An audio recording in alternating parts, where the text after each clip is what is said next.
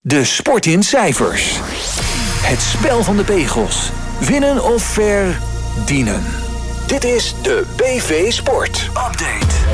Op Sport Radio hebben we het elke week weer over de financiële zijde van de sportwereld. Want waar het geld toch vandaan komt. Nou ja, inmiddels kunnen we toch al wel een beetje raden met de onderwerpen die elke week voorbij komen. Maar uh, er is weer natuurlijk elke week weer wat nieuws. En dus gaan we het weer bespreken met sportmarketeer Frank van der Welbaken. Frank, hele goedemiddag. Goedemiddag Robert. Laten we beginnen met een, eh, een nieuw onderzoekje over uh, de waardes van uh, sportclubs en franchises. Ja, um, ik zou bijna willen zeggen, in mijn regelmatig terugkerende rubriek de waarde van sportclubs richt ik mij nu tot de Amerikaanse NFL, hè, de National Football League, dat is het Amerikaanse voetbal. Meestal praat ik over het voetbal omdat het natuurlijk dichter bij ons is en dan heb ik het over het Europees, of het, noem het maar het normale tussen aanhalingstekens voetbal. Um, omdat het nou eenmaal dichter bij ons hart ligt dan de NFL in Amerika. Maar het is echter wel zo dat de NFL-clubs uiteindelijk nog steeds het meest waard blijken te zijn. Althans volgens onderzoeken. En ik benadruk nog steeds, want uh, ja, uh, laten we wel zijn, de, de Europese topvoetbalclubs, en dan heb ik het over het ons voetbal, die benaderen die Amerikaanse sport toch, toch wel heel snel. Um, want zitten die Europese topclubs op een waarde van tussen de 4 en de 6 miljard euro. Uh, de NFL-club Dallas Cowboys is voor het tweede achtereenvolgende jaar werelds meest waardevolle sportclub met een waarde van 9 miljard dollars. En dat is een 13, 13 groei ten opzichte van vorig jaar. Dat is toch geen geringe groei. Uh, op de tweede plaats eveneens een NFL-club, de New England Patriots, met een waarde van 7 miljard. Dat scheelt trouwens van 2 miljard best wel groot. Dus die Dallas Cowboys die zijn wel redelijk uniek. Uh, de belangrijkste bron van inkomsten voor die clubs uh, in die NFL is overigens zijn, en dat zou je niet verbazen Robert, dat zijn de mediarechten. gemiddeld krijgt elke club 800 of 580 miljoen per seizoen aan mediarechten. De nationale mediarechten. En dat is 8% meer dan vorig seizoen. En ik zei net al, nog steeds, hè, want nogmaals, voor de waarde wat sportclub betreft, uh, luister ik, luister, je moet even meeluisteren naar het volgende wat ik nu ga vertellen. Want de hardnekkige geruchten en de acties van en over de verkoop van Manchester United zijn voorlopig in de ijskast gestopt. De Amerikaanse leverfamilie, eigenaar van de club, heeft de club uit de etalage verwijderd omdat de waarde jaarlijks toeneemt. En dat terwijl er een enorme dip op de beurs is genoteerd, geconstateerd net. Um, ze hebben zelfs al een officiële statement afgegeven dat de club in 2025, dus, twee jaar van nu, uh, weer op de markt zal komen. En ze hebben zelfs het lef om daar een vraagprijs aan te hangen van maar liefst 10 miljoen pond. Nou, ik vind dat redelijk optimistisch, maar ja, uh, ik sta niet meer echt voor verrassingen in de sportwereld als je het hebt over sport en geld. Uh, de twee potentiële kopers die nog in de markt waren voor de, de club uit Manchester, uh, en dan United natuurlijk. Uh, Sir John Radcliffe, eigenaar en oprichter van het Ineos-concern. Nou, wel bekend natuurlijk in de sport, van wielrennen, autoracen en noem maar op. En de andere, de Sheikh Hassim uit Qatar. Die hebben allebei al aangegeven hun interesse te behouden. Dus ze hebben geduld en ze willen wel wachten tot 2025. Sir John meldt had hij al eerder geroepen volgens mij. Maar goed, hij meldt bereid te zijn genoegen te nemen met een meerderheid van de aandelen. Dus een minderheid kan in bezit blijven van de lezersfamilie of van anderen. Terwijl de Sheikh absoluut het standpunt in blijft nemen van... ik ben alleen geïnteresseerd als ik 100% van de club naar mijzelf toe kan ja, manoeuvreren. Ja, dat is het. En ondertussen zijn die, uh, de fans van, van United te dupe. Want die zijn natuurlijk al jaren zeer ontevreden over die Glazer family. En ik krijg toch, uh, toch langer de lessen toch steeds meer het idee dat zolang die Glazers uh, aandelen hebben in United, dat er ook weinig gewonnen gaat worden. Of in ieder geval dat het niet meer gaat terugkeren naar de successen als dat het natuurlijk was onder, onder Sir Alex Ferguson. Ja, um, het, lijkt, kijk, de ins en outs weten we natuurlijk niet exact, maar het lijkt erop dat de glazerfamilie, en die klacht hoor je vaak, uh, geen of weinig bereidheid heeft om echt te investeren in nieuwe spelers. Nou ja, wil je vandaag de dag in de Engelse competitie en zeker ook in de Europese competities meedraaien, dan zou je mee moeten in de red race voor nieuwe spelers. Maar als die Glazer-familie op de beurs blijft zitten, op hun portemonnee blijft zitten bedoel ik, ja, dan, uh, dan zal het voor Erik ten Hag toch moeilijk worden om mee te draaien in de top van de Engelse Premier League. Want daar wordt in de top nog steeds zwaar geïnvesteerd. Als je alleen al ziet wat Chelsea nu weer heeft geïnvesteerd terwijl ze niet eens in Europa spelen. En dan schrik je gewoon. En dan moet Manchester United toch echt meegaan. Willen ze die race blijven? In ieder geval, nou niet domineren, maar willen ze mee blijven draaien voor die topplaatsen, ook voor de Europese competities. Dan een uh, kopje eh, fuseren, laten we het zo maar noemen. Uh, beginnen we in Saoedi-Arabië. Want uh, nou ja, er was natuurlijk lange tijd dat, dat grote gevecht gaan in de golfwereld. Hè, tussen de, de PGA Tour, de gevestigde orde. En de Live Golf Tour, de, de nieuwkomer.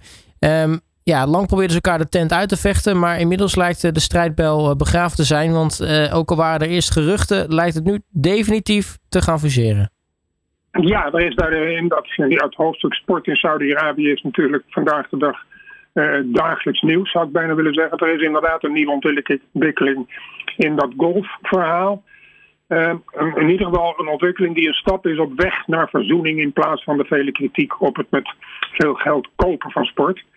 Want uh, kwam Saudi-Arabië een slordig anderhalf jaar geleden met het initiatief van de LIV Golf Tour ja, een tour die met miljoenen dollars in één keer de PGA Tour dreigde plat te gooien. Uh, zij lonkte met heel veel geld de spelers daar naartoe. Nou ja, iedereen is te koop, zou ik bijna willen zeggen. Althans, heel veel van topgolfers zijn te koop. En dat leidde tot een wereldwijde vloedgolf aan kritiek. En het is nu, anderhalf jaar later, zo dat de Tour gaat fuseren met de Lift Tour. Dat lijkt een kogel die door de kerk is. Met een smak meer prijzengeld. En vervolgens everybody happy. Um, ehm, 18 toernooien, verspreid over de wereld. Geen ruzie meer. Alle toppers die mee zullen doen. Nou, wat wil je nog meer?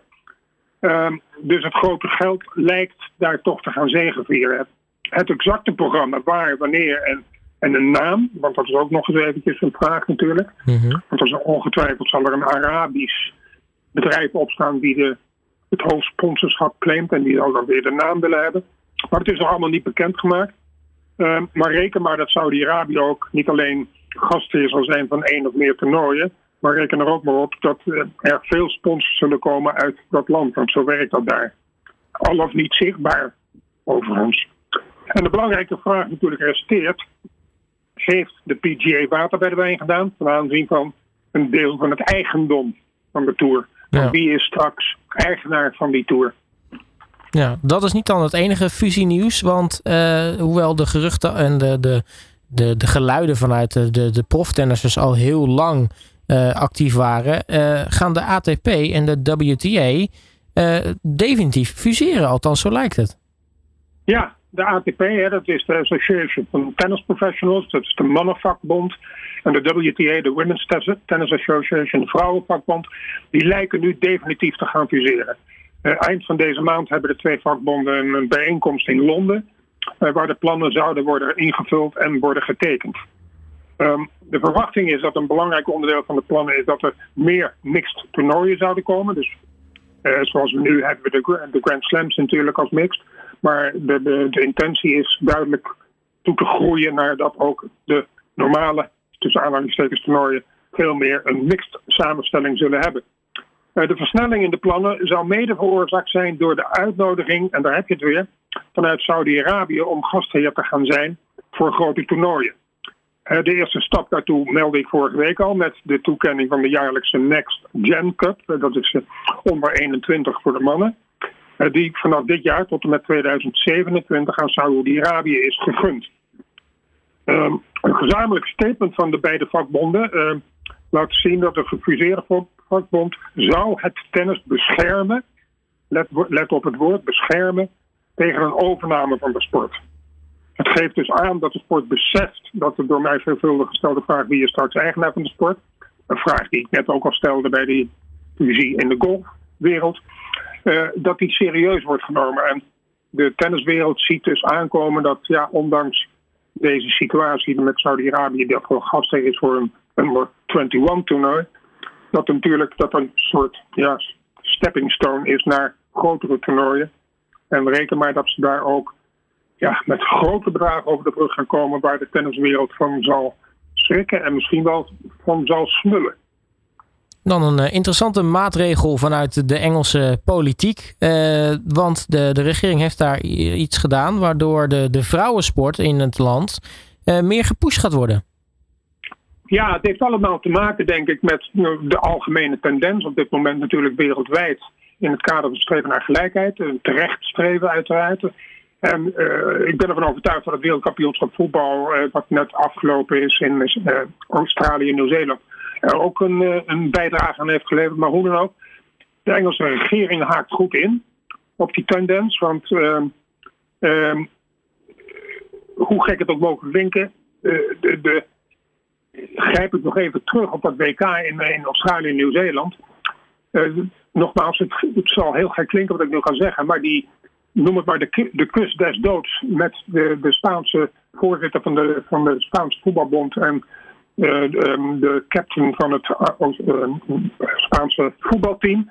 Die heeft ook bijgedragen tot nog meer aandacht voor gelijkheid van de vrouwen en de vrouwen in de sport en de vrouwensport in het algemeen. Dus de Engelse regering heeft een nieuw investeringsmodel in het leven geroepen waarin rechterhouders en andere stakeholders in de vrouwensport bij elkaar worden gebracht.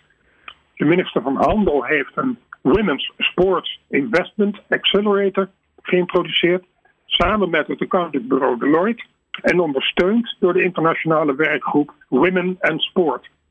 Uh, een en ander start dit najaar. Er is een nog onbekend budget beschikbaar gesteld om meer financiering mogelijk te maken voor vrouwen in de sport. Betere faciliteiten en betere aantrekkingskracht en ja, toegankelijkheid uh, voor jonge uh, meisjes om aan sport te gaan doen. zowel aandacht voor de top als de breedte sport. Want men beseft dat de top nodig is om de breedte sport te injecteren met aantrekkingskracht. Een doel en verwachting is uitgesproken dat de vrouwensportindustrie in Engeland, en ik benadruk dus in Engeland, in 2030 een waarde zal hebben van 1 miljard pond.